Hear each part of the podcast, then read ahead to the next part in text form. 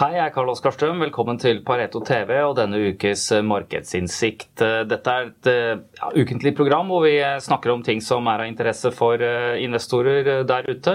Av og til har jeg med analytikere inn her, av og til kan vi ha et lite selskapsintervju. Denne gangen skal vi gjøre noe spesielt. Vi har hatt et, et samarbeid med Ekstrainvestor denne uken her. sånn. Det er et investorforum basert i Norge, kan man si. Jeg har litt statistikk på det som jeg har fått fra dem. De har da 11 000 1000 eh, investormedlemmer på den siten ekstrainvestor.no, så man kan gå og, og chatte egentlig og stille spørsmål og diskutere aksjer og investeringer med andre. Det er ytterligere 10 000 via Facebook-kanalen sin, eh, og er aktiv også i andre sosiale medier. Man kan finne dem på LinkedIn, Twitter. Det er for de som er interessert i aksjer eh, og sånne ting, så er jo naturlig nok stor overlapp mellom vår kundegruppe og de som, som bruker dette forumet. Det, de sender også ut en morgenrapport hver morgen.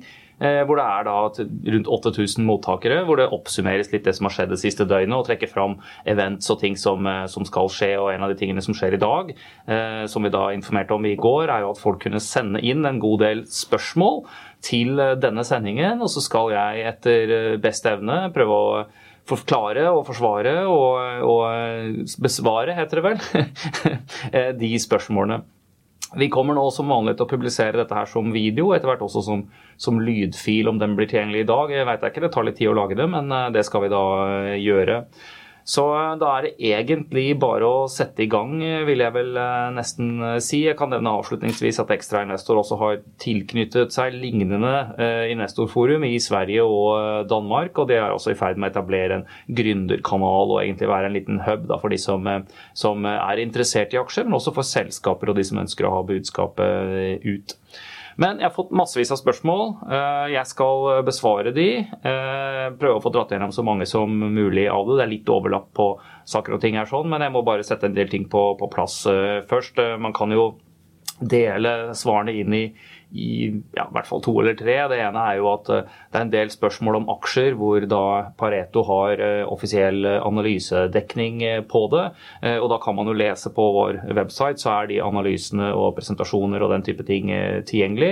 Det er ofte sånn også at det kommer en analyse på et selskap, og så, og så kommer det kommentarer underveis i ukentlige og daglige mailer, f.eks. på shipping og energiaksjer og sånne ting, så er det daglige mailer også, hvor kan du si endringer underveis. kommentarer kommenteres. Eh, så, så, de vil man finne der. Det er klart at de analysene publiseres ja, egentlig litt produseres og publiseres litt på samme måte som man har gjort for både fem og, og ti år siden. Eh, det er med et tolv måneders fundamentalt basert kursmål eh, og mot et profesjonelt publikum. Så Fordelen eh, for de som sitter der ute og bruker våre nettjenester, er at du får den samme informasjonen på samme tidspunkt som det profesjonelle fondsforvaltere i Norge, Tyskland, USA, andre steder får. Men ulempen er jo også at du får det på samme format.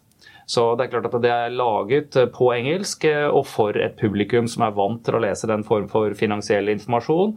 Eh, og noe som jeg har prøvd å understreke mange ganger, men som kan være litt vanskelig å forklare, er at anbefaling og kursmål ofte ikke er det viktigste i de analysene. Jeg skjønner at uh, folk som handler aksjer på privaten der ute, bryr seg mest om det. Men uh, for de som sitter og, følger selskapene der ute og er profesjonelle forvaltere, så er det jo hvilke scenarioer analytikeren bygger, hvilke estimater han har eller henne har for de kommende kvartalene. Hvordan man ser rett og slett for seg den underliggende utviklingen der i kontantstrømmer. Hva slags type selskap, uh, hva slags type spill eller game er dette her sånn når man går Eh, inn i det.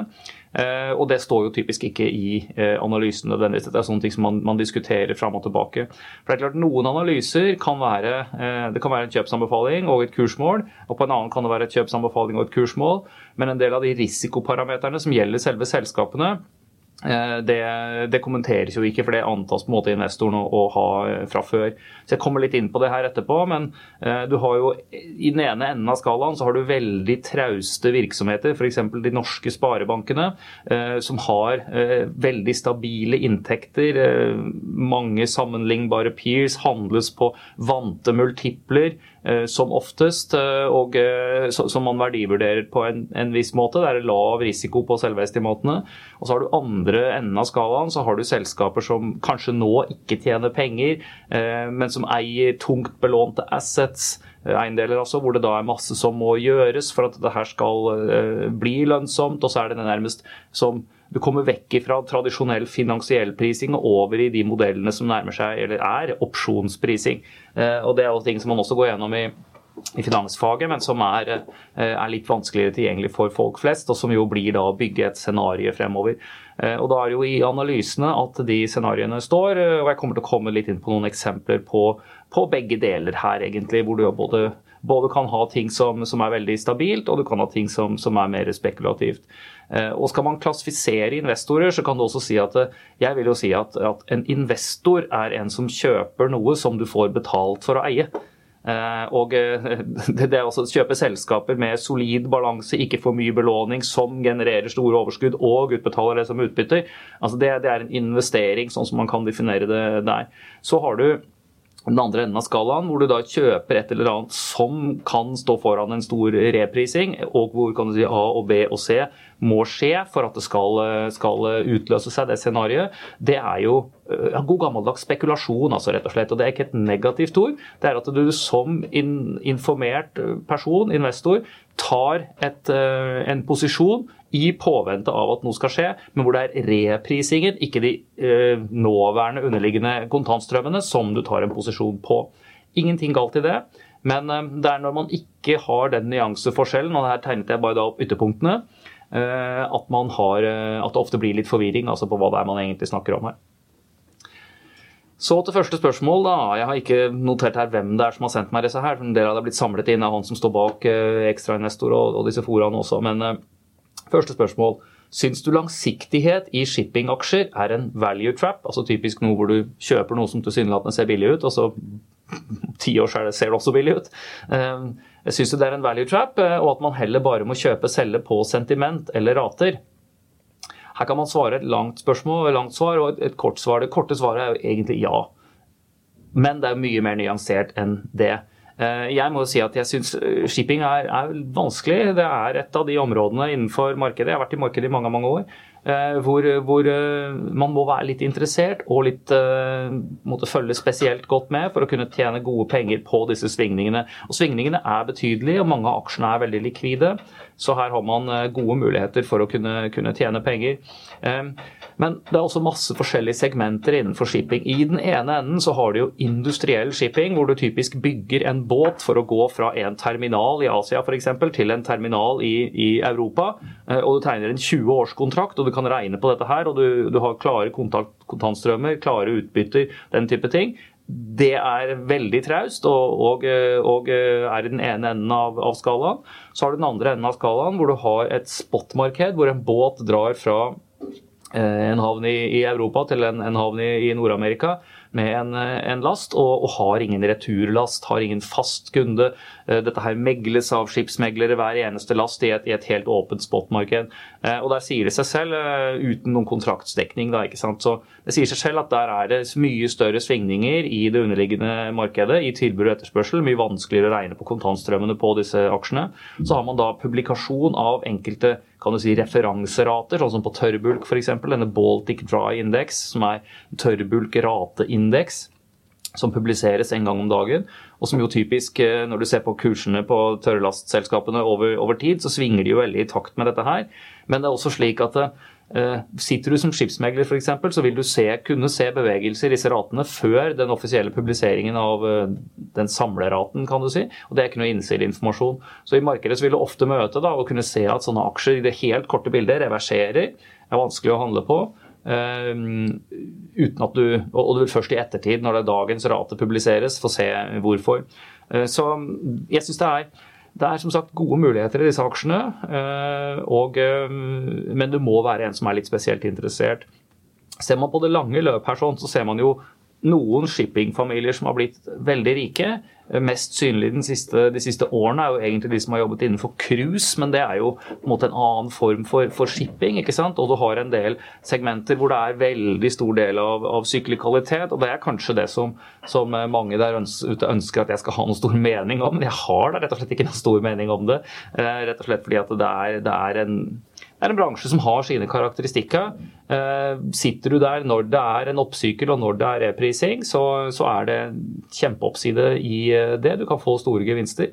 Eh, men som spekulant, da, en som er, spekulerer på de prisbevegelsene, så må du også sitte litt løst i stolen og, og, snu deg ut når sentimentet går andre veien. Og over en sykkel så har det vært en viss tendens, hvis man skal være litt slem med noen av shippingselskapene, det er at i de tidene hvor de tjener penger, hvor det går godt, så utbetales ikke kontantene til, som utbytte til investorene, de brukes til å kjøpe flere båter. Eh, og da man, bygger man i hjel eh, den med et økende tilbud. Kommer det i markedet ett til to år seinere igjen. Da er det plutselig mange båter og lite laster. Og så har det det der gående med en litt sånn boom og bust-sykkel. Eh, men i gode år, og sånn har det jo vært helt siden seilskutetiden, når de første aksjeselskapene ble stablet opp. altså det, Man må huske på at det første aksjeselskapet som ble børsnotert i verden, det, det var jo Øst-India-kompaniet i eh, Nederland. og Det var jo nettopp fordi det var behov for å bygge en enorm flåte med svære båter for å frakte ting fra Asia, koloniene som man etablerte der, eh, og Asiahandelen, til Europa. Dette var dyrt, men da hadde du jo sånn at du hadde en tilbakebetalingstid på båten på liksom én tur.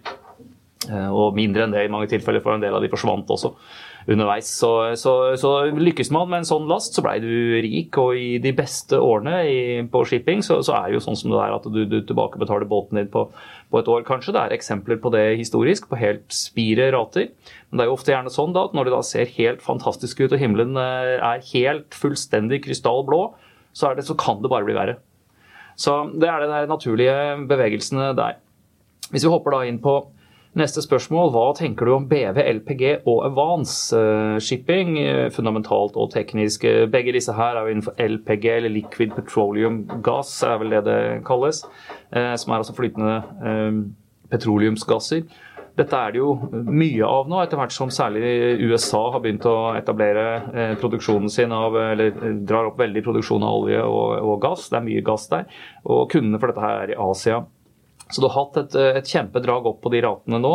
Merkelig nok så er det jo eh, svakere marked for den såkalte rene naturgassen. Der er det ganske svake gasspriser i, i uh, verden. Men når det er svak gasspris, så kan det være gode rater. fordi at det vil lønne seg å sende dette fra et er, fra et område hvor det er veldig lav, stor tilgang på gass, lave priser, og til en, et område hvor det er, hvor det er mulig å selge gassen til en høyere pris. Så, men eh, det er nå sånn at det har vært et kjempedrag opp i BVLPG. Den Er, eh, det er kanskje vår, vårt favorittvalg innenfor akkurat den sektoren av de to aksjene. Dette her kommenteres jo daglig fra våre shippinganalytikere. Så i, i Shipping Daily-mailen, så man kan, kan, lese den og lese analysene der. Men eh, det snakkes jo nå om at, eh, at, med dagens rater så ligger eh, analytikerne, inkludert oss for så vidt, bakpå. Vi vet at inntjeningen kommer til å bli høyere enn det som ligger i de siste analysene. Og, men det står jo sensitivitetstabeller der, sånn som man kan se det selv. Og skulle den være opprettholdbar her, sånn, ja, så er det jo snakk om liksom PE kanskje 4-5 på disse aksjene. Det er veldig lavt. Og, men spørsmålet er jo da hvis det er opprettholdbart, og det er det man lurer på. ikke sant? Og det er det jo sjelden over en sånn sykkel. Så jeg tror nok at eh, det er korte Ja, det var kanskje ikke så kort eh, svaret på, eh, på det. At, at, det er mangel på visibilitet og grad av syklikalitet her som gjør at selv om det nå er veldig gode rater og det der ser kjempebra ut, og jeg tror de neste analyseendringene kommer til å bli oppjusteringer, sånn som det er bare sånn det funker når ratene er der det er nå, det ser jo vi òg, så, så vil det være tilfeller hvor disse aksjene ser fryktelig billige ut, men da er man på topp, eh, og ser veldig dyre ut, men da er man på bunn. Så eh, her er det som sagt litt for de spesielt eh, interesserte. Men bevares det draget i de aksjene der nå. Fundamentalt og teknisk jeg, kan, jeg tror ikke jeg skal ta det chart akkurat nå. Det ser, de har kommet litt ned den siste tiden faktisk etter et kjempedrag opp. Men jeg skal ta litt fundamentalt og teknisk her på noe jeg har litt mer fersk info på. Mange ønsker seg en analyse av Hydro.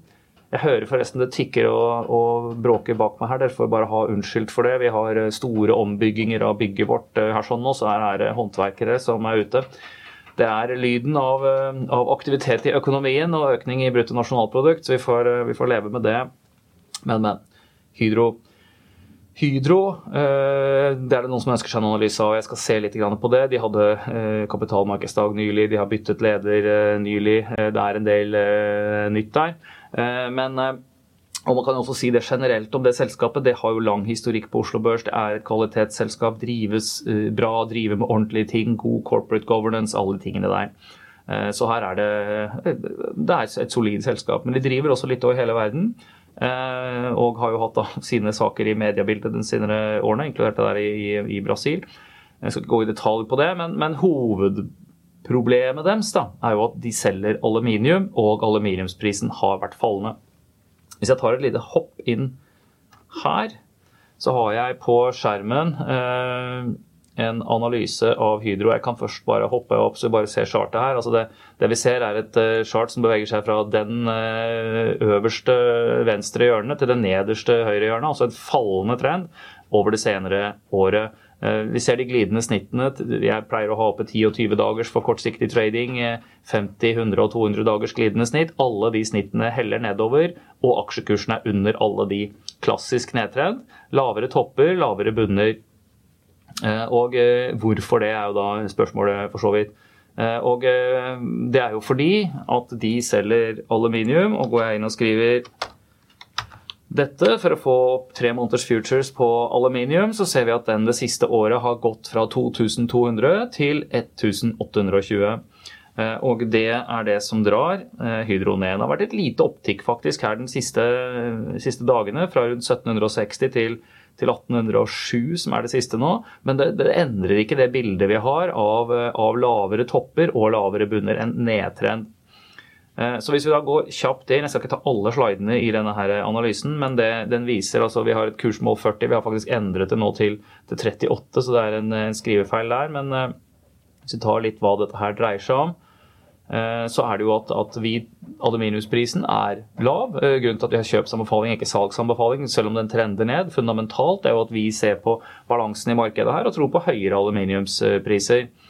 Eh, dette her er en veldig interessant sensitivitetstabell som man finner igjen i analysene våre. Det er altså sånn ved 10% opp i prisen på diverse innsatsfaktorer, både kostnader og, og inntektssiden. Hvordan vil det slå ut i inntjeningen på selskapet?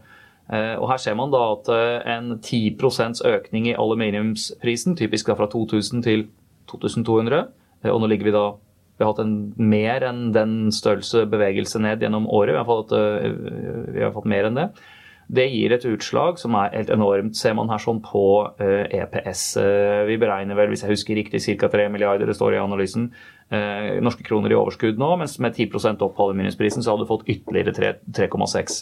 Så, så, det er mer enn en 100% ville det slått akkurat der hvor det ligger nå. Og så er det en del eh, kostnadsfaktorer og sånt her eh, nede etter hvert. Men du ser jo det at dette, dette er mye større per nå, da, sensitivitet mot aluminiumsprisen, enn det f.eks. oljeselskapene har mot oljeprisen.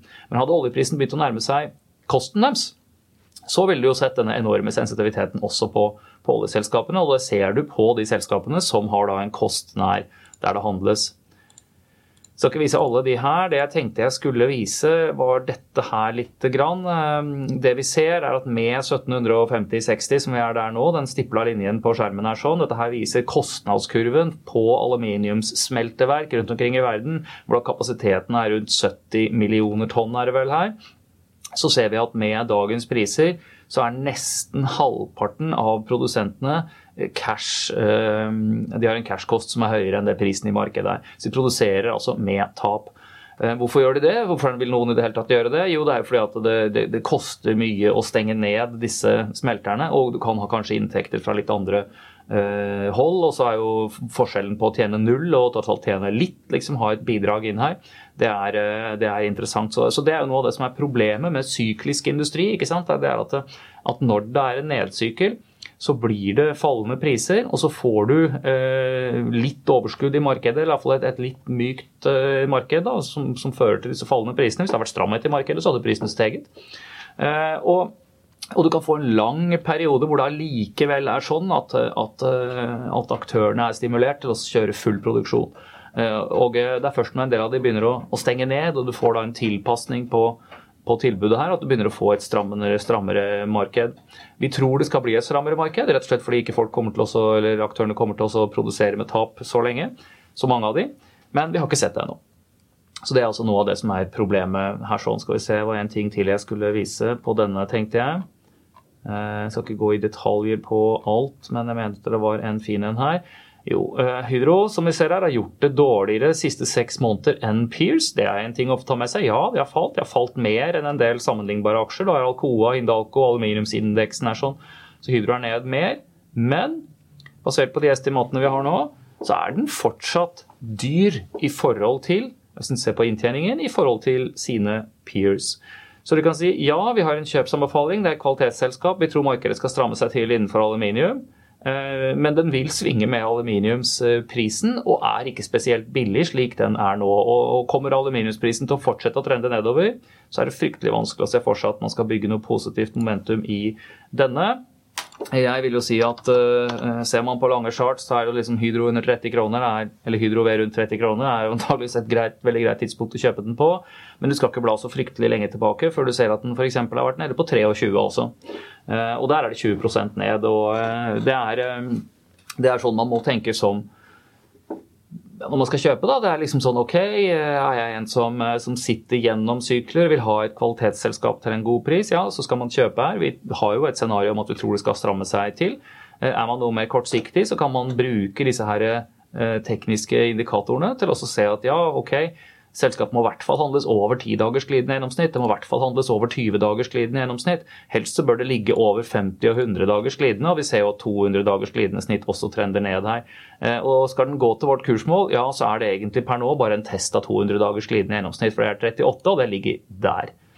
Så jeg vil jo si at eh, stiger aluminiumsprisen til f.eks. 2200 igjen, så kommer vi til å se på helt andre hydropriser her. Eh, ser vi på, husker tilbake til begynnelsen av året her, hvor det var nesten 2200, ja, da hadde vi hydrokurs på 50 spenn. Så det, er, eh, det, var et langt svar på Hydro, men jeg tenkte jeg skulle bruke den litt som, eh, som eksempel. Så nå har jeg gjort det. Så et spørsmål. Hvilke favorittaksjer har du blant oljeselskapene som tjener penger? Ja, der er det mange gode selskaper. Eh, det som, eh, Tar man de norske da, i første omgang, så kan du si vi har jo Equinor, gode gamle Statoil. Eh, den syns jeg er Når jeg drev med trading, så handla jo den mye. Ulempen til disse er jo at selv om oljeprisen er ganske god nå, så er gassprisene veldig lave. Det har vært en voldsom tur ned på gasspriser både i Europa og USA. Disse produserer rundt, rundt 50 av produksjonen er gass, som er mer eller mindre ikke er, altså, før var linket mot oljeprisen, ikke nå er det noe særlig grad lenger. Så den har sine issues. Ser ikke teknisk sprek ut. Som jeg nevnte på Hydro her, sånn, så, så, kan du si du ligger under 10 dagers, 20 dagers, 50 dagers, 100 200 dager, så ligger under alle de glidende snittene. Du har nettopp hatt et flush ned. Du har en, eh, en eh, teknisk bilde av, av fallende kurser, konsolidering, et nytt fall. Vi tror jo på at eh, med dagens olje, med den oljeprisen både vi ser i markedet i dag, og det som vi har liggende av prisbane fremover, at den her skal opp. Så vi har en kjøpsanbefaling på, på Statoil. Eh, jeg tror Kommer du inn rundt 170 der, sånn, så kommer du til å få både greit utbytte og, eh, og en grei kursutvikling. Men, men, min favoritt er den ikke i sektoren. Jeg må jo si at Av de norske så syns jeg Aker BP ser fryktelig interessant ut. og Man kan gå inn og se på en video fra en til to uker tilbake det var vel forrige uke, hvor vi hadde med analytikeren som dekker selskapet, som dro grundigere gjennom Aker BP her. Og de har en, eh, et år nå hvor de genererer litt mindre cash, fordi at eh, før Sverdrup-feltet, det gigantiske feltet, kommer på, eh, og hvor det gjøres litt investeringer. Men her kommer produksjonen til å gå svært kraftig opp i årene som kommer, og samtidig så, så kommer de til å betale ut en veldig høye utbytter. Så skal man sitte i et oljeselskap på norsk sokkel, så, så er ikke det der, der det dummeste du kan se på. Det er vel kanskje min favoritt eh, blant de. Eh, skal man trekke fram en liten joker for de som eh, ønsker det, så må du til, til Sverige. Jeg syns det var litt interessant å møte sjefen fra Africa Oil, som er et av de selskapene innenfor Lundin-sfæren. Det er de som har Lundin Petroleum, som for så vidt er mye i Nordsjøen. De er også en god kandidat, men har alltid blitt sett på som litt dyr. Handles i Sverige. Men ser man på Africa Oil, sånn, så ser vi at kursen har ligget ganske flatt. Og det for et selskap som driver der nede. Eh, det siste året. Eh, og i går, her par dager siden så kom det gode nyheter knyttet til ett av de utviklingsprosjektene de har. Men de, de er, det er mer et sånt litt opsjonsselskap. De har en masse spennende opsjoner rundt omkring i Afrika. Jeg gjorde et intervju med sjefen for selskapet, som også ligger på, våre, på paretosek.no. Under Pareto TV der kan man se det, fra noen uker tilbake, hvor han dro litt gjennom dette her. Og de har noen felter nå som eh, kommer til å komme på, som kommer til å gi god kontantstrøm utenfor Nigeria. Samtidig så har de et spennende utviklingsprosjekt i Kenya, det var det det kom nyheter for uh, her tilbake. Og andre utviklingsprosjekter både i Afrika og litt utenfor Sør-Amerika. Men, men, det er klart, Aker BP er på en måte noe man kan ta en litt stor post i og legge i porteføljen når det ligger i, i, flere år. Det er, det er, på en måte en hyggelig reise fremover der. Dette her er mer dette som er krydder i porteføljen. Så, så, det er som sagt, eh, Men spør man, så får man svar, og dette syns jeg er innenfor olje spennende cases. Så et mer sånn tematisk eh, spørsmål. Eh, hva er eh, Hvor stor stopplås anbefaler du i prosent? Hvor mye bør man flytte stopplås oppover når kursen stiger? Dette har jeg skrevet noen artikler om før. altså Stopplås ikke som et ordreparameter. Mange vet at du kan legge inn det. Sånn at Hvis du kjøper noe på 10 og kursen faller til 9,50, så, så selges det automatisk. Det er en ordretype. Eh, men eh, det jeg snakker om her, er liksom stopplås som strategi. At man eh, alltid har det som, plan B. Når du kjøper en aksje, så er jo din plan A, det scenarioet du ser for deg, at liksom, ja, jeg kjøper dette selskapet fordi jeg tror det og det og det skal skje, og da kommer kursen til å gå sånn og sånn og sånn. Enten basert på teknisk, fundamental eller kvantitativ analyse. Så er det jo da mange ting som kan skje. Det ene er at du tok uh, feil. Det andre er at det blir feil. Det skjer nye ting som drar kursen i en annen retning. Det andre er at timingen ikke var god. Uh, og i alle tilfeller så er det liksom bedre å trekke pengene ut av, uh, av markedet og ha det tilgjengelig til noe annet. Ikke sitte stuck med en sånn møllestein rundt halsen og, og, og havne på bånn. Det er den vanligste feilen vi ser investorer gjør, og forbausende nok både små og store. Eh, jeg syns det er fascinerende når jeg leser i avisen om eh, veldig store, presumptivt proffe eh, investorer som, som, gjør si, det som jeg vil nesten si er skolebokfeil. Da. Og det kan man argumentere for. Jeg ser fram til at jeg kommer til å få blowback på den der. Men det, det er nå engang sånn. Penger tapt er penger tapt. Du kunne ha brukt det til noe annet og fått en god avkastning på det. Så til spørsmålet hvor stor stopplås anbefaler du i prosent? I hvert fall. Du bør ikke sitte på noe som faller mer enn 10 men, men, men dette er umulig å svare noe sånn fast på. Eh, når jeg drev med trading, så hadde jeg veldig lav toleranse for tap. Jeg syns liksom noe av pointet med det var å drive med å, å sitte i, delta i oppadgående bevegelser og ikke nedadgående. Eh, hvis jeg skulle delta i nedadgående, så skulle jeg være short. Eh, så, så jeg hadde veldig tette stopper. men eh, men eh, det fins, eh, avhengig av liksom hvor langt du spoler inn i kikkerten, så, så må du se på liksom hva er de naturlige svingningene her. og Det, det formelt riktige svaret er jo liksom når, når, det skjer en bevegelse som er utenfor det eh, rommet som samsvarer med din plan A. Eh, da er det plan B som er stopplås. Kom deg ut. Eh, hold pengene varme. Så jeg syns jo ofte kanskje 5% er fornuftig, gitt eh, vanlige OBX, OMX, eh, DAX, eh, SMP 500-aksjer. 5-10 et sted i området der. For trading så ser man ofte bruker man mål som ATR, average true range. Se hvor mye en aksje pleier å svinge i løpet av en dag, f.eks. Som er interessante nivåer å se på. Si at du aldri skal sitte mer enn én average true range ned. Da sier en aksje pleier å svinge to kroner. Eh, du kjøper en aksje på, på 100 kroner, går den under 98, ok, så er du ute da, liksom, for da har du ikke fanget bevegelsen. Men det sier seg selv, jo kortere du, du er, jo bedre du timer, jo mer opptatt du er av timing på, på kjøpet, jo, jo, viktigere vil eh, det der være. Og ofte så setter jo jeg sånt ved tekniske nivåer, eh, og da gjerne ikke før det nivået blir testa, men etter. La oss si hvis et eller annet eh, har gått i en range mellom 10 og 11 kroner en, en stund, og så ser du det tester 10 kroner på nedsiden. Det bryter, men reverserer kraftig opp igjen. Da kan man sette en stopplås på brudd på 10 kroner f.eks., og og så uh, var det ofte den siste flushen før ting vender opp. Men dette her er detaljer på teknisk timing av, uh, av trading, som man får komme tilbake til på et senere tidspunkt. Men det viktigste er å ha en stopp, og sette den som sagt der hvor en bevegelse skjer som er utenfor det du så for deg eh, når du, når du gikk inn i posisjon. Så et spørsmål. Da snakker jeg meg varm her. Jeg får ta litt vann. Det er varmt i Oslo. Eh, det er mye snakk om shorting av aksjer, og shorterne får gjerne skylden for kursnedgang i bl.a. Norwegian NAS. Shorterne fikk også i sin tid skylden for nedgangen i Fingerprint, den er notert i Sverige. Og nå er det kanskje Nell som står for tur, og shorten øker. Hvordan er det mulig for shortere å manipulere kursen ned? Hvor enkelt er dette egentlig?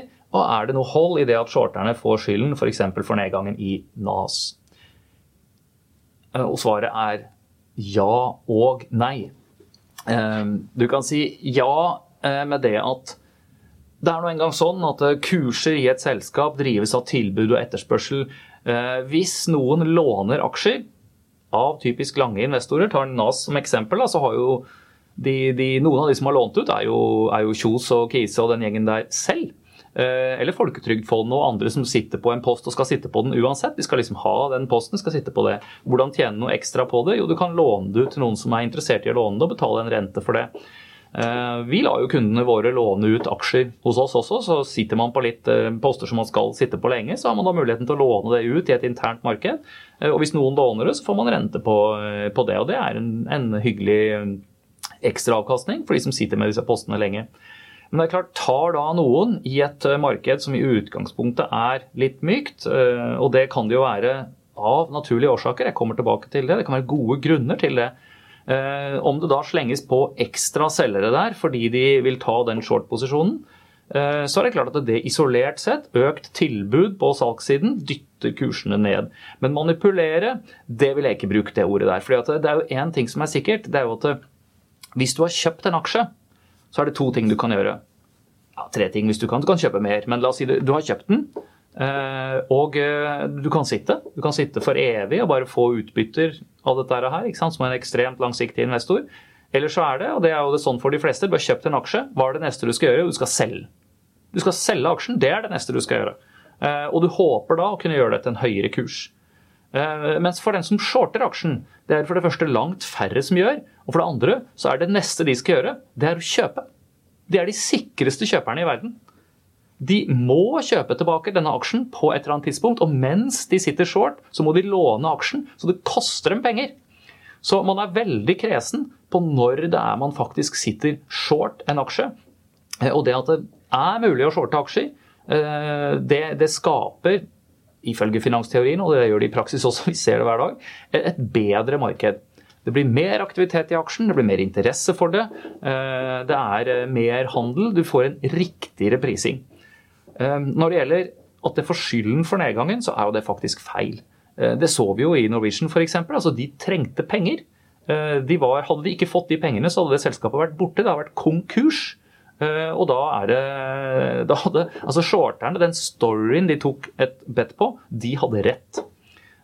Og det, man kan ikke da skylde eh, på de for nedgang i aksjen. Det som spilte seg ut der, var selskapsspesifikt. Eh, vi kan komme litt tilbake til det. Kanskje det er en del som Ja, skal vi si det er vel et eh, Ja, det er eh, spørsmålet om Norwegian her. Den, den kan vi for så vidt ta et, eh, et um, litt, si litt om det også. Når det gjelder kursmål eksempelvis, så er jo det blant de, som, blant de aksjene hvor vi er kjent for å ha et, et høyt kursmål. Eh, før emisjonen så var det kursmålet på rundt 320-30. Eh, men det var jo da basert på to ting. Det ene er liksom vi lytter til selskapet, vi regner på det. Eh, analytikerne gjør det, og, og har da en tro på at hvis det de sier de skal gjøre, skjer, gjerne legger seg litt under, men man ligger, ligger der, så, så, vil det forløse en verdi i selskapet som for så vidt var der, og med ytterligere oppside også. Større muligheter på det. Det andre var at eh, man så at det var eh, oppkjøpsinteresse. Det kom jo den type ting ganske klart fram. Eh, og Det har jo ikke blitt noen offisiell pris publisert på det, men, det man har snakket om og som har kommet ut av indikasjoner og som andre har sagt, det er jo at det var i det området der. Det er i området 310 til 30 et eller annet sted i området der. sånn. Så, så, så det var jo i tråd med det analytikeren vår sa. Eh, om et, et, selskap, i det tilfellet IAG, kunne vært Lufthansa, kunne vært noen andre, de hadde kjøpt det til den prisen, så hadde det kunnet vært et godt kjøp for de, fordi at de hadde ikke hatt de selskapsspesifikke utfordringer som det Norwegian har. Eh, for å ta et eksempel på det, da. Norwegian per nå har 3% egenkapital eller noe sånt nå, i forhold til, eh, til, den totale verdien av balansen sin. Hvis du ser på Lufthansa, det tar den bare ut av hodet, fordi den, den husker jeg, jeg kikka på det, de har 25% egenkapital. Så de kunne tatt inn eh, et selskap som Norwegian og refinansierte til langt lavere renter. Ikke sant? Ikke hatt noen problemer med finansiering, den type ting som det der, og der, og dermed forløst verdier i selskapet. Eh, så Det er nettopp det som gjør at du kan få en sånn oppkjøpspremie i, eh, i selskaper som det, og i andre selskaper. Det er at det rett og slett er verdt um, det kan være verdt én ting for en investor, du kan sitte på det lenge og liksom selskapet utvikler seg og, og, du får forløst verdien på den måten. Men det kan være verdt noe annet for en som kan kjøpe det opp og mye raskere forløse en del verdier, fordi du har synergieffekter på tvers. Og det enkleste er jo nettopp en, en lavere finansieringskostnad. Så det der er, er interessant. Men men det er ofte, jeg vil ikke tro, shorterne sørger for en mer riktig pris, riktig pris av en aksje, mens det er den underliggende fundamentale utviklingen som gjør at ting at ting stort sett går uh, nedover. Og man snakker aldri om det når, når, aksjer stiger og shortere må dekke inn. For de er som sagt det eneste som helt sikkert skal kjøpe aksjen. Spørsmålet her er litt beslektet, men vi går egentlig inn på noe som jeg var litt inne på tidligere her og sa jeg skulle snakke litt om. Hvorfor er det så enorm forskjell på analytikernes kursmål i Seadrill og Norwegian? Eh, altså spennet, spennet mellom analytikere er stort. Eh, og vi ligger høyest. Eh, vi ligger blant de som ligger eh, høyest eh, i begge de to. Og det, det de har til felles, de to selskapene der, da Vi kan bruke Seadrill som et lite eksempel nå. Jeg har jo faktisk en korrekt bekledning liggende her. Dette her er vel ja, noe av det samme som Han har vært og stilt på capsen min. Som han i sjefen i, i Sea, eller representanten for Sea Tankers brukte på vår Pareto-konferanse. Make sea drill great again. Eh, det er, eh, det morsom, den der. Men det er klart at de, det er flere effekter her. sånn. Eh, selskapet jobber for å, få, å forløse verdier for, også, for å ha en positiv utvikling. De vil kjøpe rigger billig, selge dyrt eventuelt. De skal beskjeftige sine rigger til gode rater. De er flinke på alt det der. Og der. Men problemet med, med riggaksjene nå er jo at det underliggende markedet er svakt. Altså, har vi snakket lenge om det. Det ligger noen videoer på, på nettsiden vår her også, hvor vi har rigganalytikerne i studio og snakker om disse scenarioene. Eh, men eh, de analysene da, som ligger med et litt høyere kursmål her, de baserer seg på at et visst scenario spiller seg ut. Eh, vi gjør mye, mye rigg, jobber mye med riggselskapene. Vi kjøper og selger disse riggene også, så vi ser jo hva selskapene gjør, hvilke rater det er snakk om fremover, hvem som kjøper rigger, hvem som bygger rigger til hvilke priser. Alle greiene her ligger inne, men, men i bunn og grunn så, så er jo det Det er sånn at hvis hvis dagens rater hadde ligget der fremover, hvis du legger det til grunn og sier at nei, de ratene som er nå, det er det som blir gjeldende, eh, og den utnyttelsesgraden av flåten, fordi hele flåten ligger jo på jobber, det ligger masse rigger rundt i fjorder og, og venter på, på, jobb, og det ligger en del på verft, det, det, ligger i både kaldt og varmt opplag, som det kalles, eh, avhengig av hvor klare de er. Eh, det de, de, ligger der, og, og, hvis du sier at ok, utnyttelsesgraden, la oss si den er 60-70% kanskje nå i snitt, da det er noen segmenter som er mye tightere, og hvor, er, hvor er, utviklingen er hyggeligere, det ser vi på aksjene også, og det er noen hvor det liksom er ikke 13 rigger på dusinet, men, men 14-15. Men hvis altså utnyttelsesgraden er der den er nå, og hvis ratene er der de er nå, ja, så blir det som eh, Spetalen som får rett på kursmålene sine når han på investordagen sa at det skulle være lik pris på alle disse aksjene eh, i løpet av et par år, og det var null. Eh, men det er rett og slett sånn, de tjener ikke penger, med noen få unntak. Med, den, med at, du, at du eier eiendeler som får lite betalt når de er i bruk, og de er lite i bruk. Det er bare sånn det er. Så, eh, men vi tror ikke det. Vi tror at eh, vi ser for oss et strammere bilde her, sånn, og der kan man få en eh, Og, det er gode grunner til det. det er, med den oljeprisen som er nå, så tjener oljeselskapene gode penger, og det gjøres, det gjøres oljeinvesteringer. Dette er aksjer som svinger mye. Men uansett, det som Du kan si den type aksjer, så har du du, du, har visse fundamentale verdier å, å, å, å, beregne det etter. og det er klart Når du ikke har en positiv løpende kontantstrøm, hvor du sier at ok, dine, dine inntekter er 1,1 milliard i år dollar, mens din kostnad er 1 milliard dollar, så tjener 100 millioner, altså liksom 10% avkastning på egenkapitalen, sånn som det.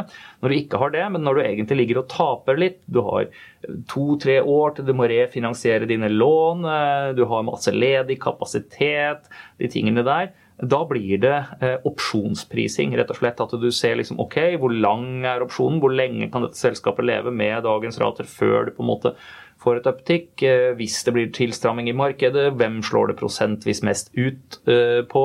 Hvem har eiendeler som kan være attraktive å kjøpe for andre? Det er, liksom, det er masse av den type betraktninger men som jo føyer seg, hvis en skal gå helt tilbake til det jeg snakket om innledningsvis, inn i den mer spekulative biten av markedet. Ikke noe galt med det, men det er da mer for de spesielt interesserte, ikke sant? Eh, som er villige til å, og, og, som kan ta den risikoen. og å styre posisjonene sine riktig i det. Mens for liksom de som er investorer og vil sitte i sofaen og se at det tikker litt oppover nesten hver uke og, og hver måned, så er det liksom andre aksjer man, man går etter. Men, men, dette er det som det går på. Det er rett og slett et et utfallsrom er for stort, og det kursmålet er basert på ett scenario. Leser man analysen, så ser man jo sensitivitetstabeller der og omtaler av dette her. Da må du lese liksom mer enn bare første siden, men bladet bakover. Eksempelvis så sto det jo i den Norwegian-analysen vi publiserte før jul, var det vel, det var, ja, rundt årsskiftet, altså før det kom noe emisjon og den type ting, eh, så hadde vi en beregning av, av verdien på egenkapitalen etter nyttår på 2,8 eh, milliarder etter et, en antatt kapitalinnhenting på 3 milliarder.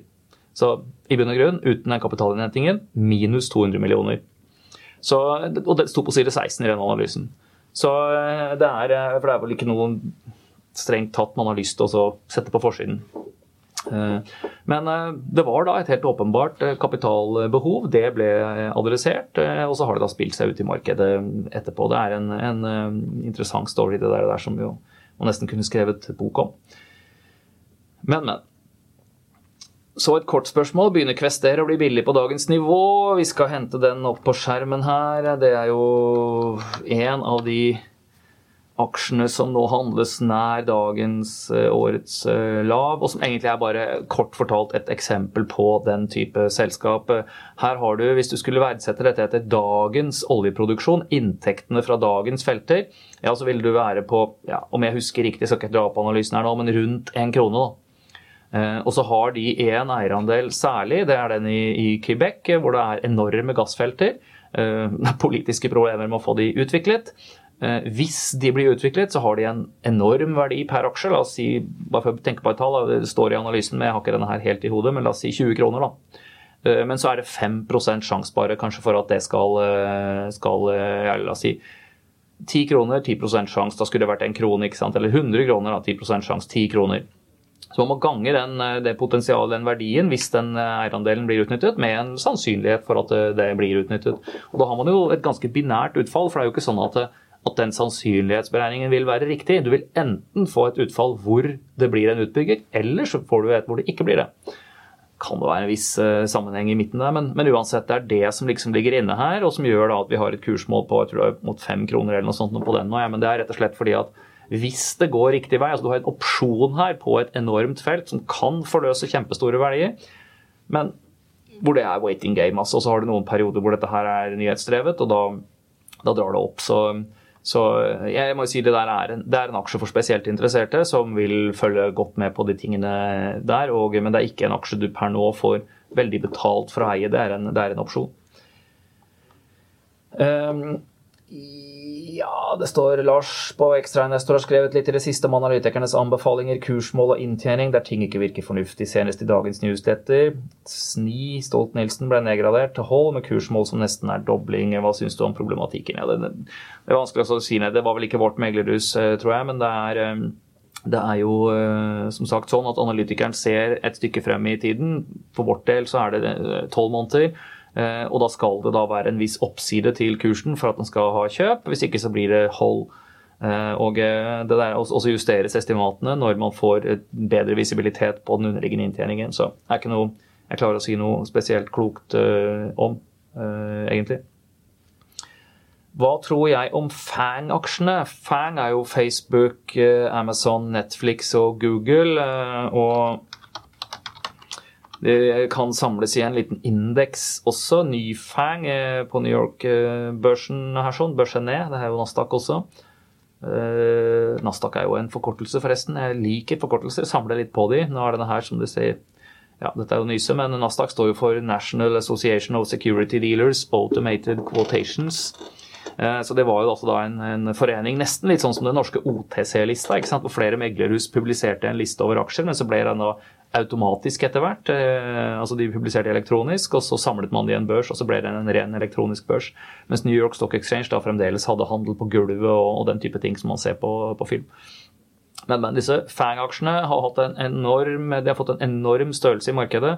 Eh, mens det siste året har det egentlig vært litt ned, og du ser et sånt litt rotete teknisk bilde. Og så vil det se litt annerledes ut når du går inn på, på de enkelte av de. Men i bunn og grunn så er liksom dette, dette er kjempeselskaper som av mange grunner prises eh, eller har en veldig stor børsverdi. En av de kan jo være at de har enormt med inntekter.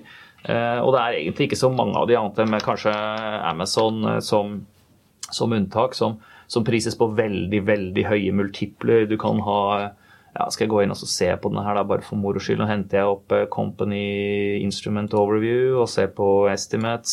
Eh, så ser vi PS 70 eh, ned fra 94. Men det er jo fordi at disse reinvesterer fryktelig mye av sin kontantstrøm i, i videre vekst, og kunne og har for så vidt blitt ekstremt sterk, sterk, sterk posisjon både innenfor retail-markedet i USA, men også innenfor cloud computing og en del sånne ting som det er der. Det er fascinerende selskap. Eh, men så har du Apple, da, som jo er litt mer på nedtikk, eh, kanskje, syns noen, eh, men som da prises relativt billig her. sånn. Den ligger nå tett oppunder 200 dollar. Går man inn og kikker på den, så skal vi se instrument overview her også. Og estimater. Så ser vi en PS17 ikke sant? og en dividendegild på 1,5 så det er jo omtrent det du har av finansieringskost. så her kan man liksom i USA. Så, så, så, så, er det klart at her er det, her er det lavere prising. Så, så uh, samlet sett så, så syns jeg det er en interessant uh, aksjegruppe. Jeg uh, liker å investere i tech selv, og, og, disse her aksjene dukker ofte opp i de fondene som man da er, er investert i. Men, men om de har sett toppen sin bak her, eller om de skal vokse videre, jeg syns de har markedsposisjoner hvor er eh, Vi kommer til å se de gå inn i nye områder. Eh, både geografisk og businessmessig, tror jeg, i tiden fremover. De har enorme muskler, har et enormt apparat å vokse videre på. Så jeg tror ikke reisen er over for den type selskaper. Det du kan få, og det ser man eh, klare tegn til både i Europa og USA, er en del regulatorisk pushback. altså Man må huske at for, for, rundt 100 år siden så var det også noen sånne selskaper som begynte å bli giganter. Du har Standard Oil, Rockefeller sitt selskap i USA som nesten corna oljemarkedet, og som jo da hadde ticker SO, ikke sant, Standard Oil, eh, og ble da brutt opp i en masse mindre selskaper, bl.a. SO, som eh, nå er Exxon da i, i USA. Så eh, og Det samme hadde du med telemonopolet der borte, hvor ATNT, American Telephone and Telegraph, som ble oppfinneren av telefonen, Graham Bell, ikke sant, som som sto, var en av hovedeierne bak det, de ble jo brutt opp i en masse mindre selskaper der borte. Så, så, så, så, det er ikke utenkelig å se, man har sett det før gjennom historien, at, at, veldig store selskaper som begynner å få en dominerende posisjon, blir tvunget til å deles i flere. Men som aksjonær er ikke det nødvendigvis noe galt. Det vil i tilfelle da være med på en, er man, Skulle noe sånt skje, og som sagt jeg har ikke sett noe konkret på det, så vil du da få aksjer i de underliggende selskapene ikke sant, og være med på dems separate reise videre. Skal vi se vi går videre. ESG, det er eh, Environment, eh, Social og eh, Corporate Governance, altså kan si, grønn miljø, bærekraft. Temaer. Aksjene handles på høye multipler. Er du enig eller uenig med Spetalen, som er kritisk til dette? Ser du noen uoppdagede slike aksjer? Ja, er svaret på det. Jeg er enig i at en del verdsettelser av eh, den type aksjer akkurat nå eh, er veldig høy. Så det er et, et, element et helt klart, Han er helt rett i det. altså Det er et element av um, overdreven optimisme og, og, stor oppmerksomhet akkurat nå. Det er liksom Når dette temaet er på alle forsider, og alle de aksjene i stedet for å prises til PE15 som de gjør til vanlig, så prises det til kanskje P ikke 20 og ikke 25, men kanskje 30 eller kanskje 50. Eh, og da er det klart at det, det, det er dyrt. Eh, og da er det nedside eh, om ikke inntjeningen i selskapet klarer å vokse like raskt.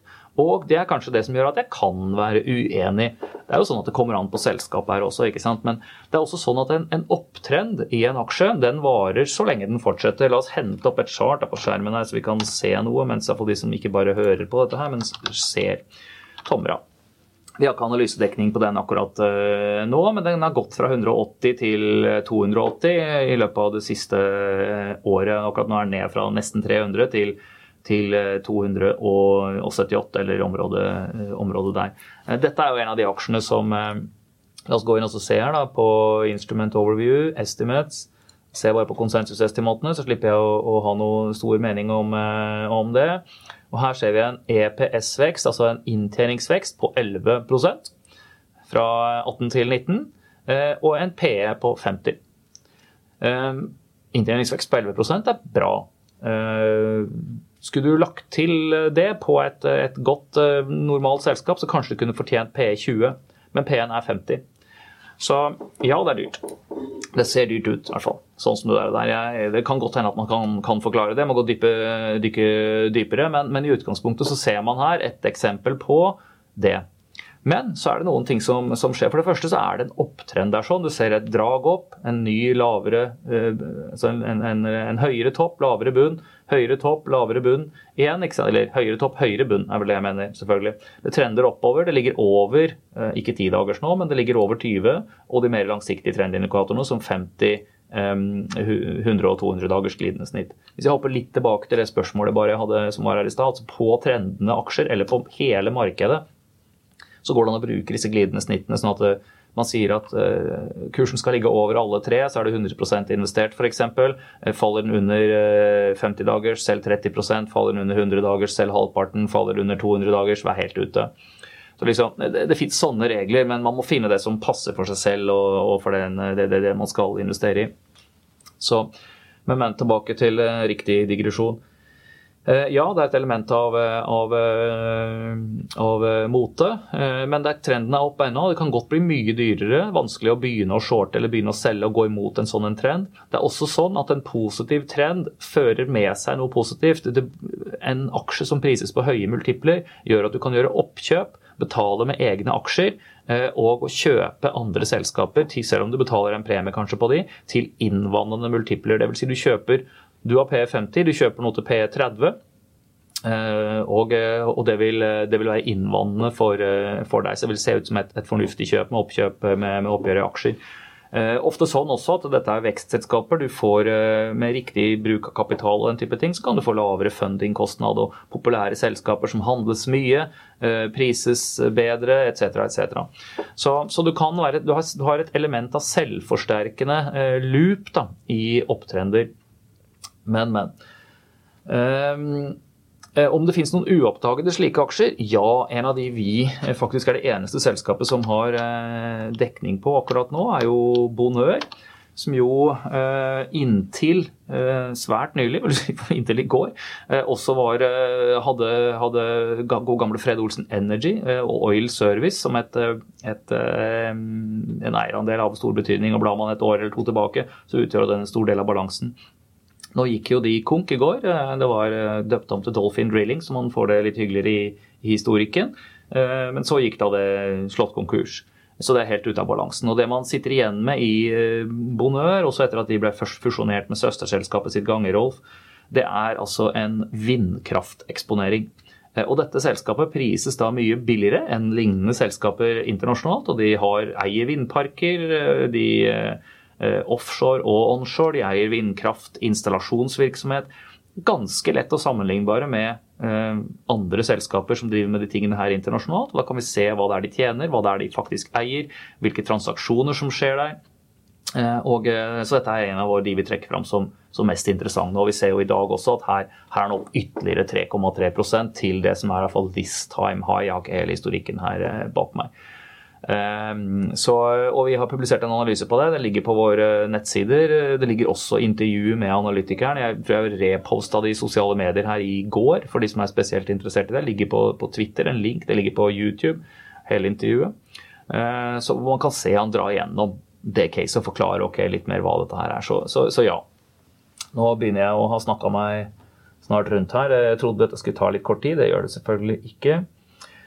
Hvilke nettsteder er dine favoritter for å orientere deg, er det noen som spør her. og Det er et godt uh, spørsmål. Eh, og uh, Jeg bruker Twitter mye, men, uh, og jeg har publisert for en stund siden en artikkel den kan man søke opp på paretasek.no, som heter 'Twitter som nyhetskilde'.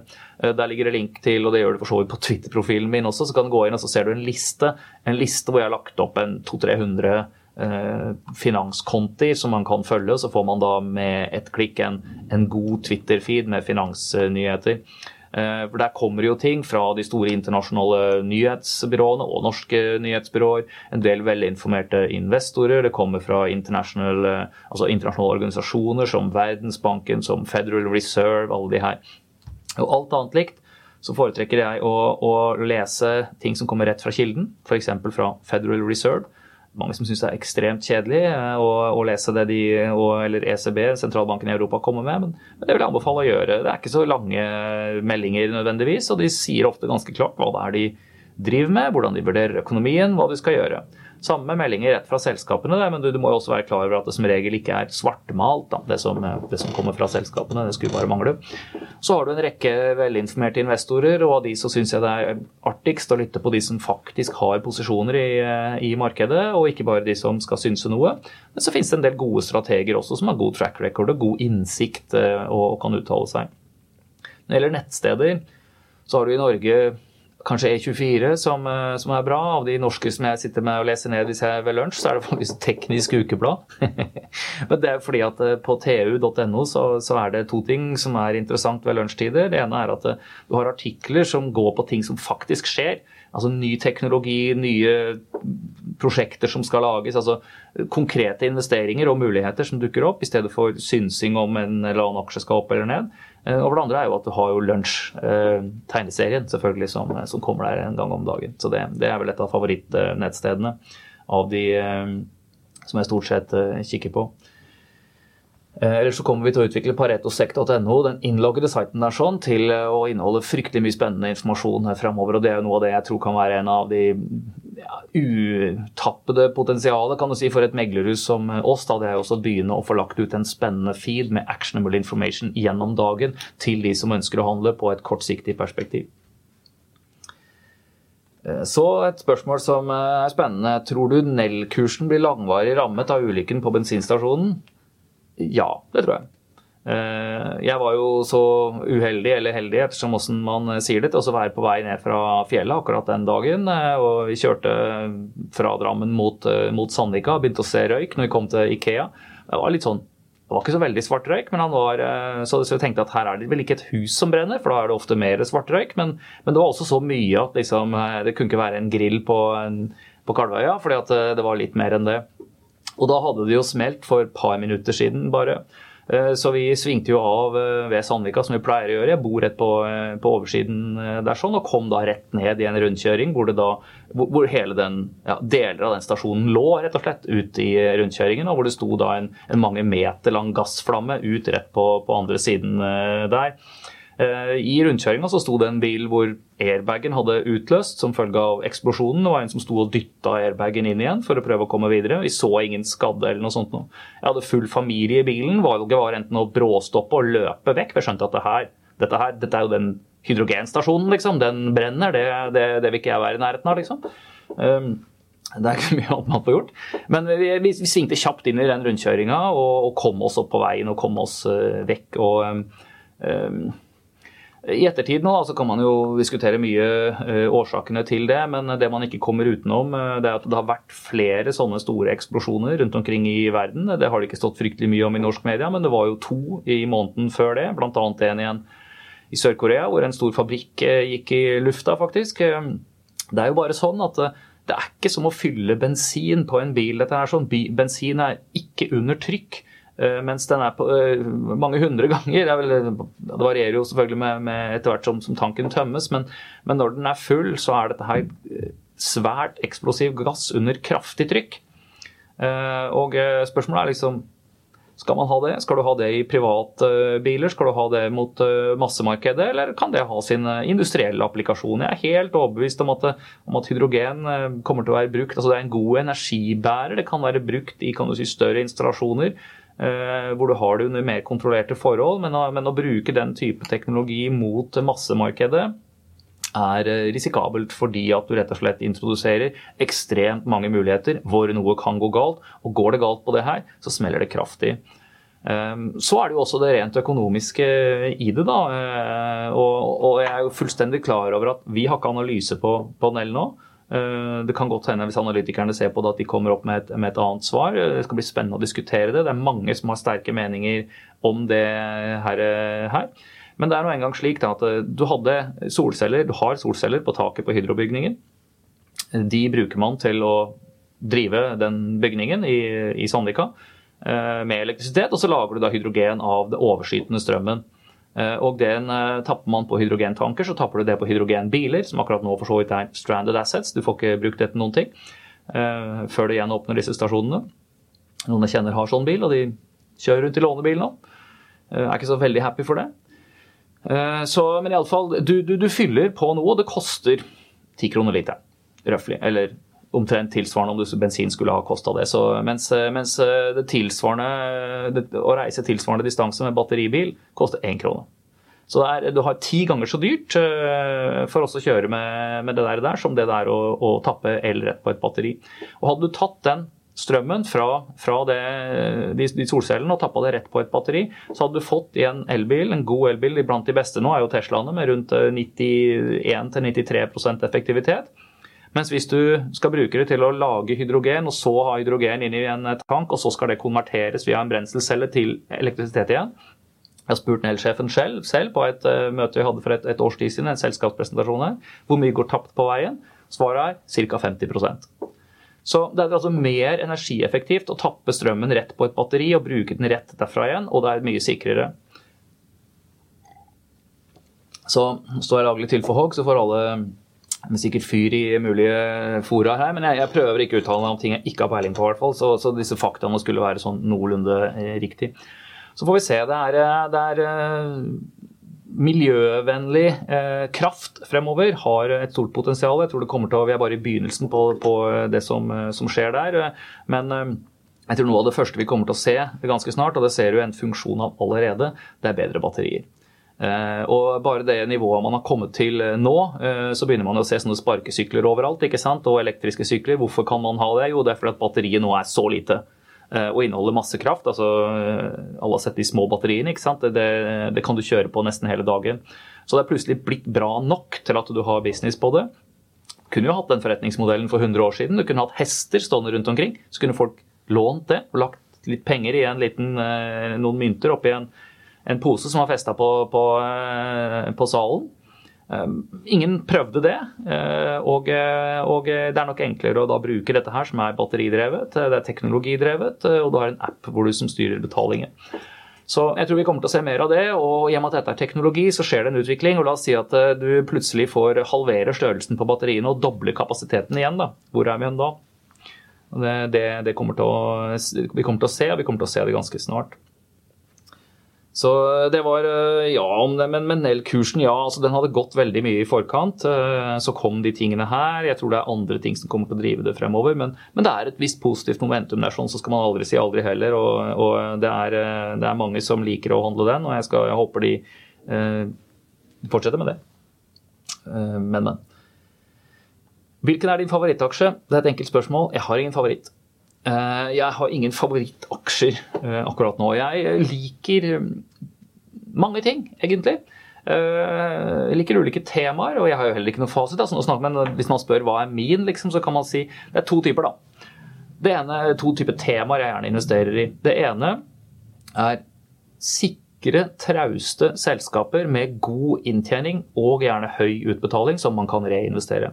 Eksempler på dette er jo egenkapitalbevisene. Banker som DNB, liksom, eh, en rekke andre selskaper som gjerne har da Du må passe på å ikke kjøpe verdifeller, altså de som har fallende inntjening. Men, har du litt stigende inntjening, har du gode marginer, eh, som også rett og slett er Du kjøper det, du får 10-12% avkastning.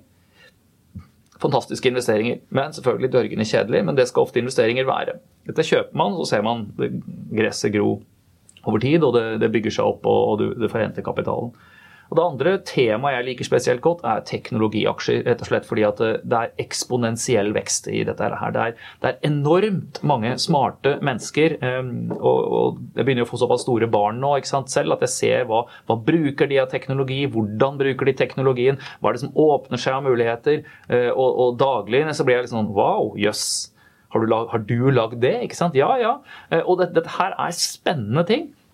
Eh, og, eh, og, når du ser hvem det er som står bak det, jo det er det og det selskapet. Her dukker det opp nye forretningsmodeller, og så går man inn og ser. Det er kapitallett, de tjener masse penger. De blir kjøpt opp av hverandre.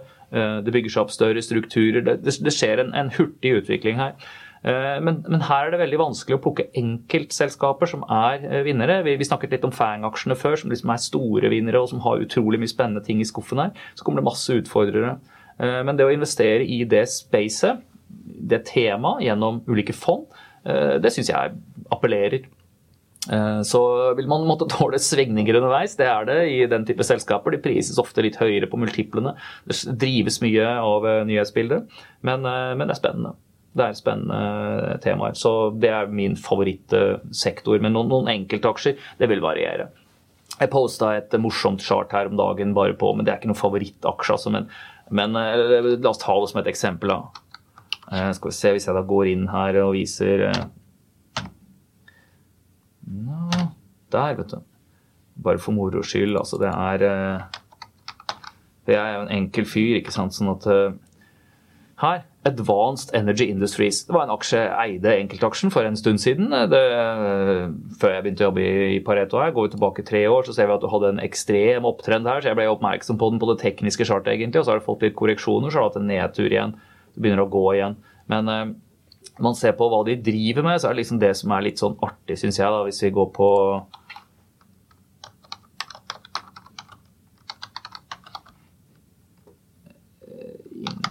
Industries, skal vi se. Jeg får dere bare unnskylde meg her, men uh, at vi går inn og ser på, på dette for uh, så, så, kommer man inn på websider hvor du ser bare ting du har lyst på. ikke sant? Uh, fantastiske løsninger til, for energi til, til, elbiler.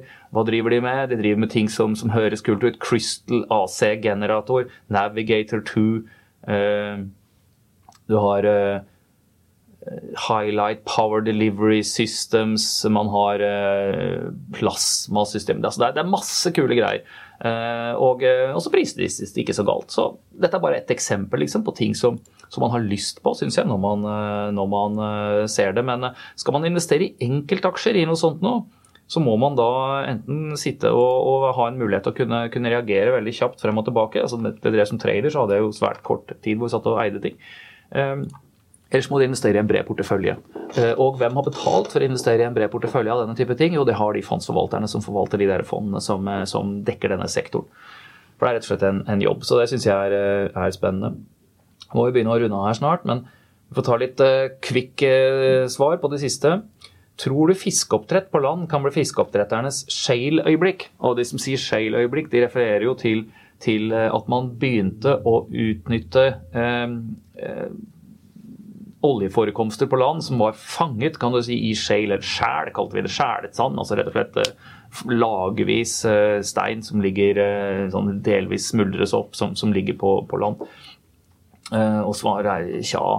Det som er sammenlignbart, helt klart, er at du, du, ved hjelp av ny teknologi og produksjonsprosesser plutselig så kommer det til et visst nivå hvor man, hvor, man, hvor det begynner å, bære seg økonomisk. Eh, og det kan jo da plutselig muliggjøre langt høyere produksjon.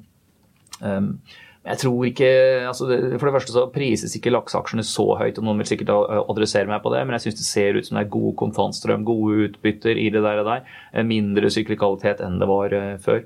Um, Fiskeoppdrett på land, ja, det kommer til å få en økende betydning fremover. Men de fleste, eller mange av de store aktørene er også med på det. Og Du har også en glidende overgang her, den hybridløsningen, hvor du har større smolt, altså kanskje opp til en halv kilo, før du setter de i sjøen, og så står de i sjøen videre.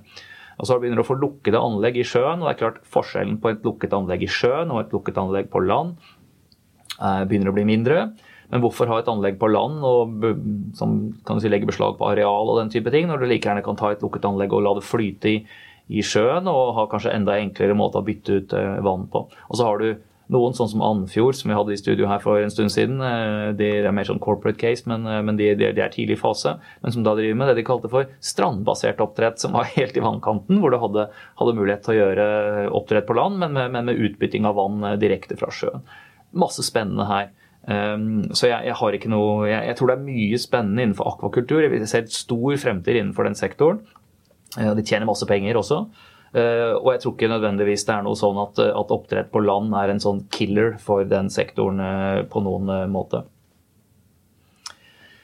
Det virker som en sterk trend at fond og institusjoner følger indeks, og stadig mindre penger går til SMB, små og mellomstore bedrifter. Tror du det vil fortsette, og betyr det at jeg bør holde meg unna SMB eller satse på at de blir kjøpt opp? Nei, jeg vet ikke. SMB er jo underskogen i økonomien. Eh, ofte så blir de selskapene enten så vokser de og blir store, eller så vokser de ikke og blir liggende og er små for evig. Eller noen av de går under, eller noen av de blir kjøpt opp.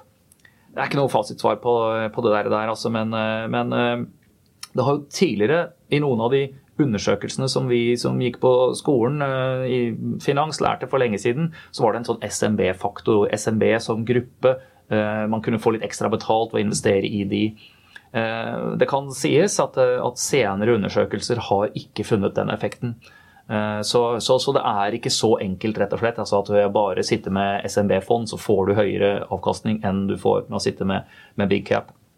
Det er ikke noe klar sammenheng der nødvendigvis. Eller det vil si det er inconclusive. da. Forskjellige tidsperioder gir forskjellige svar. Forskjellige geografiske områder gir forskjellige svar. Forskjellige sektorer gir forskjellige svar. Så, så det, er ikke noe, det er ikke noe fasit. Hvorfor er det ingen som lager analyse på Funcom, står det. Ja, det, er et godt spørsmål. Det er et, eh, et, interessant selskap. Jeg håper det kommer analyse på det også fra, fra oss i tiden fremover. Mange spør. Så, så, vi får se. Jeg møtte selskapet første gang for noen år siden. Da var det en selskapspresentasjon. Jeg jobbet et annet sted. Veldig interessant, men da hadde de jo Jeg begynte å kikke litt på det fra et finansielt synspunkt, men de hadde da ingen ikke noe regnskap som man kunne bli noe klok på. Det hadde ingen balanse. Og uten en balanse så kan du på en måte ikke regne på noe avkastning på kapital. Det var finansiert eh, av lån fra hovedaksjonær den gangen til ukjente betingelser. Liksom, som kunne konverteres til aksjer på ukjente betingelser. og eh, angående tidspunkt og priser og alt mulig rart. Så det var liksom helt eh, far off. og var mye rare folk eh, som var interessert i det selskapet. Jeg er nesten sikker på at det var et par stykker som var fra andre planeter, som var på, på den eh, selskapspresentasjonen. Ehm, men ser man på, de nå, nå var de i studio her, sånn, og vi har vært her litt, og, det er investorinteresse for det, så vi har liksom gjort noen, noen intervjuer. Er, eh, nå har det liksom gått, eh, og det står det, det intervjuet kan ses på paretosec.no, det har altså gått fra 20 millioner dollar i gjeld og ingen cash, til 20 millioner dollar i cash og ingen gjeld. Eh, og da positive kvartaler, også nå det siste kvartalet her, uten, hvor de altså tjener penger uten å ha noen store spillanseringer. Så, så, så, det er en interessant modell, og, og jeg tror at eh, det, det finnes mye som er dummere å, å se på enn en den. Men, eh, men, vi har ikke noe konkret analyse, så jeg har ikke noe, noe, noe mer informativ oppfatning enn eh, en det. Klarer Idex og Thin å få inn penger? Står det her. Ja, det tror jeg. Det, det, er, eh, altså det gjelder alle selskaper. Hvis du kan eh, ha en, en troverdig story, hvis du kan gjøre, kommunisere de riktige tingene, vise at du gjør de riktige tingene i, i selskapet ditt, og, og, på en måte ha et troverdig løp for å tjene penger fremover, så kommer du til å få inn penger. Så det tror jeg.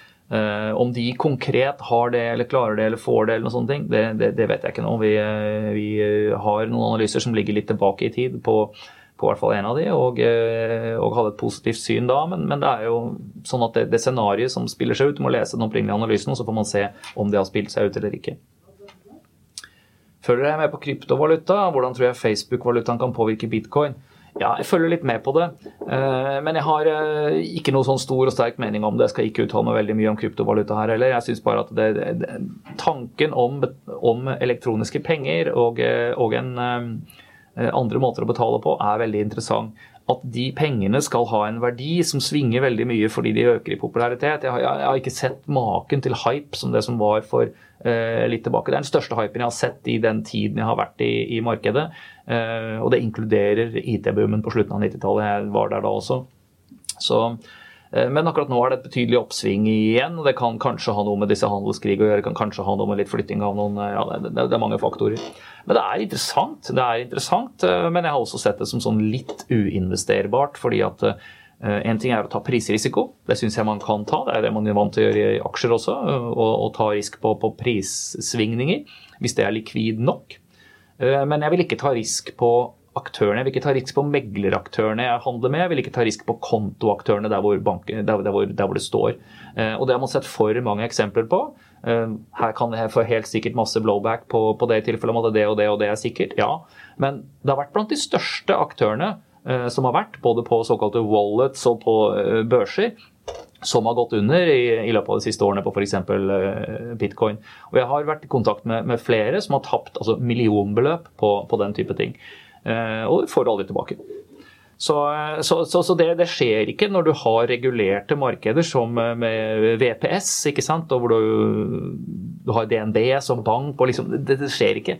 Det skjer ikke at det plutselig bare Oi, kontoen din er tom. Og så ja, ja, det var synd, liksom. Men uh, vi gjør ikke noe med det. Så, det, det, skjer ikke. Så jeg, jeg syns det er, liksom, det er litt sånn uinvesterbart, rett og slett, når du, før du har de tingene på plass. Det må kunne styre, stole på bitene i systemet. Da kan du ta prisrisk. Hvor, eh, hvorfor skjer det ofte at aktører dumper aksjer til tap straks etter IPO? Det er et godt spørsmål. Vet ikke. Eh, men du har jo to aktører som kan selge Tre som kan selge aksjer etter en IPO. For det første er det jo de som har eid aksjen før det ble børsnotert. De har da plutselig en mulighet til å kunne selge uten å måtte liksom ja, Det vil være lettere da, når, når aksjen er børsnotert. De kan selge. Så var det de som deltok i plasseringen, men kanskje fikk for lite aksjer, eller de, de bare var interessert i å bare få en, en, uplift med en gang, eh, sånn som det var før, under de gode tidene. Man husker tilbake på 90-tallet og sånne ting, og, og, hvor da hvis du fikk, fikk aksjer i en emisjon, så steg det 10-20-30% første dagen, og så kunne du selge med en gevinst. Det har vært en stund siden det har vært så mange sånne nå. Det, det, det har vært en del som har gått litt mer trått. Men det har også vært noen, vi har hatt noen i Sverige nylig f.eks., som jo man kan delta som kunde hos oss, eh, som har vært kjempe, kjempesterke. Men hvorfor det faller av?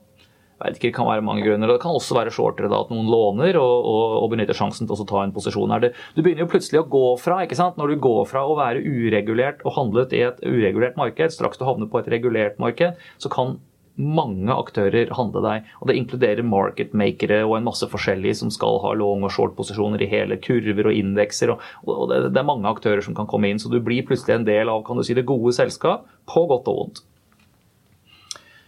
Så avslutningsvis skal vi ta her. Har det blitt eh, time og et kvarter her? Det blir langt, dette. Um, hvordan tror du meglerhus som Pareto vil endre seg i fremtiden?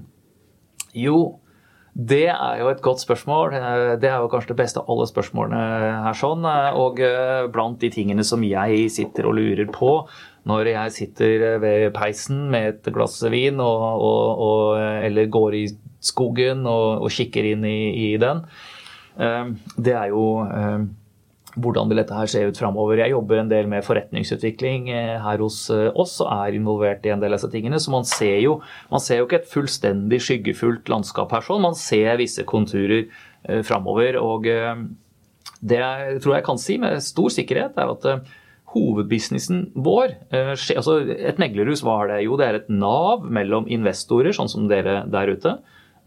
mellom selskaper altså mellom selskapene og investorene. Det er på en måte møtepunktet mellom, eh, mellom de og, og, markedet og alle de aktørene som, som er der, forvalterne og, og, og, disse her. sånn at uh, Mye av det som, som, gjøres, skjer gjennom et meglerhus. Og den funksjonen man har hvor å få investorer og selskaper til å møtes, uh, den tror jeg kommer til å fortsette. sånn at uh, man kommer til å ha analyse, man kommer til å ha corporate finance, man kommer til å ha rådgivning på de tingene her. Ehm, man kommer til å jobbe med aksjesiden, man kommer til å jobbe med obligasjonssiden i tiden framover. Ehm, men det dere sikkert er mest opptatt av der ute, er jo liksom hvordan vil online-tjenester endre seg. Ehm, og igjen så tror jeg at ja, ut fra sånn som jeg ser det, så er det liksom det er en del helt low-hanging fruit, som det kalles her sånn. Det er altså ting som helt åpenbart vi, og andre sikkert, men i hvert fall vi, er det jeg konsentrerer meg om, burde gjort. Altså ting som, eh, som, kan automatiseres, ting som kan gjøres tilgjengelig av verktøy, eh, ting av informasjonsstrøm som kan gjøres tilgjengelig, eh, som, som vil bli gjort tilgjengelig. Og så har man andre ting som er litt mye mer vanskelig, som, som liksom er kan du si, helt andre måter å gjøre ting på. Da, og der, der hender det vi blir presentert for ting som er veldig interessant, og av og til ting som liksom ja, det ser vanskelig ut. Dette er også et ekstremt regulert område, så, så, mye av det som meglerhus gjør, eh, det drives av hva som eh, er tillatt. Og en av de tingene som var tillatt når jeg begynte i bransjen, men som ikke er, nesten ikke tillatt nå altså det er ikke forbudt, men det er i praksis blitt forbudt nesten. Det er jo å rådgi investorer, private investorer sånn der ute med konkrete personlige kjøps- og salgsanbefalinger. For eh, 20 år siden så kunne du som megler ringe til Du kunne ha privatkunder som Hilda Olsen og ringe rundt til henne og si at du, i dag syns jeg du skulle ta 10 000 Hydro, jeg tror den skal opp en krone. ikke sant? Eh, og eh, det kunne man gjøre. Per nå så, så, så, kan du nærmest ikke det mot, eh, mot, privatpersoner. De eneste som kan ta imot den type råd, er, er, de som defineres som profesjonelle. Fordi at det er strengt regulert. Du skal liksom ha fullstendig test av og dokumentasjon av hvordan det passer inn i økonomien og alt mulig til, til privatpersoner for at den type råd skal, skal gis.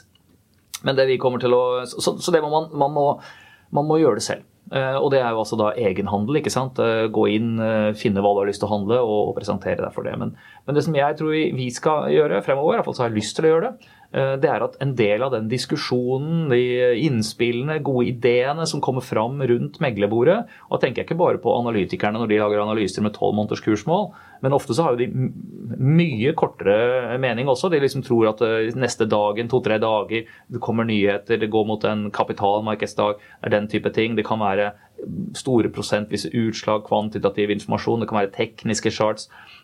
Den type ting som er informasjon som kan du si sirkulerer rundt et, et meglerbord, eh, og i direkte kommunikasjon med kunder av varierende profesjonalitetsgrad.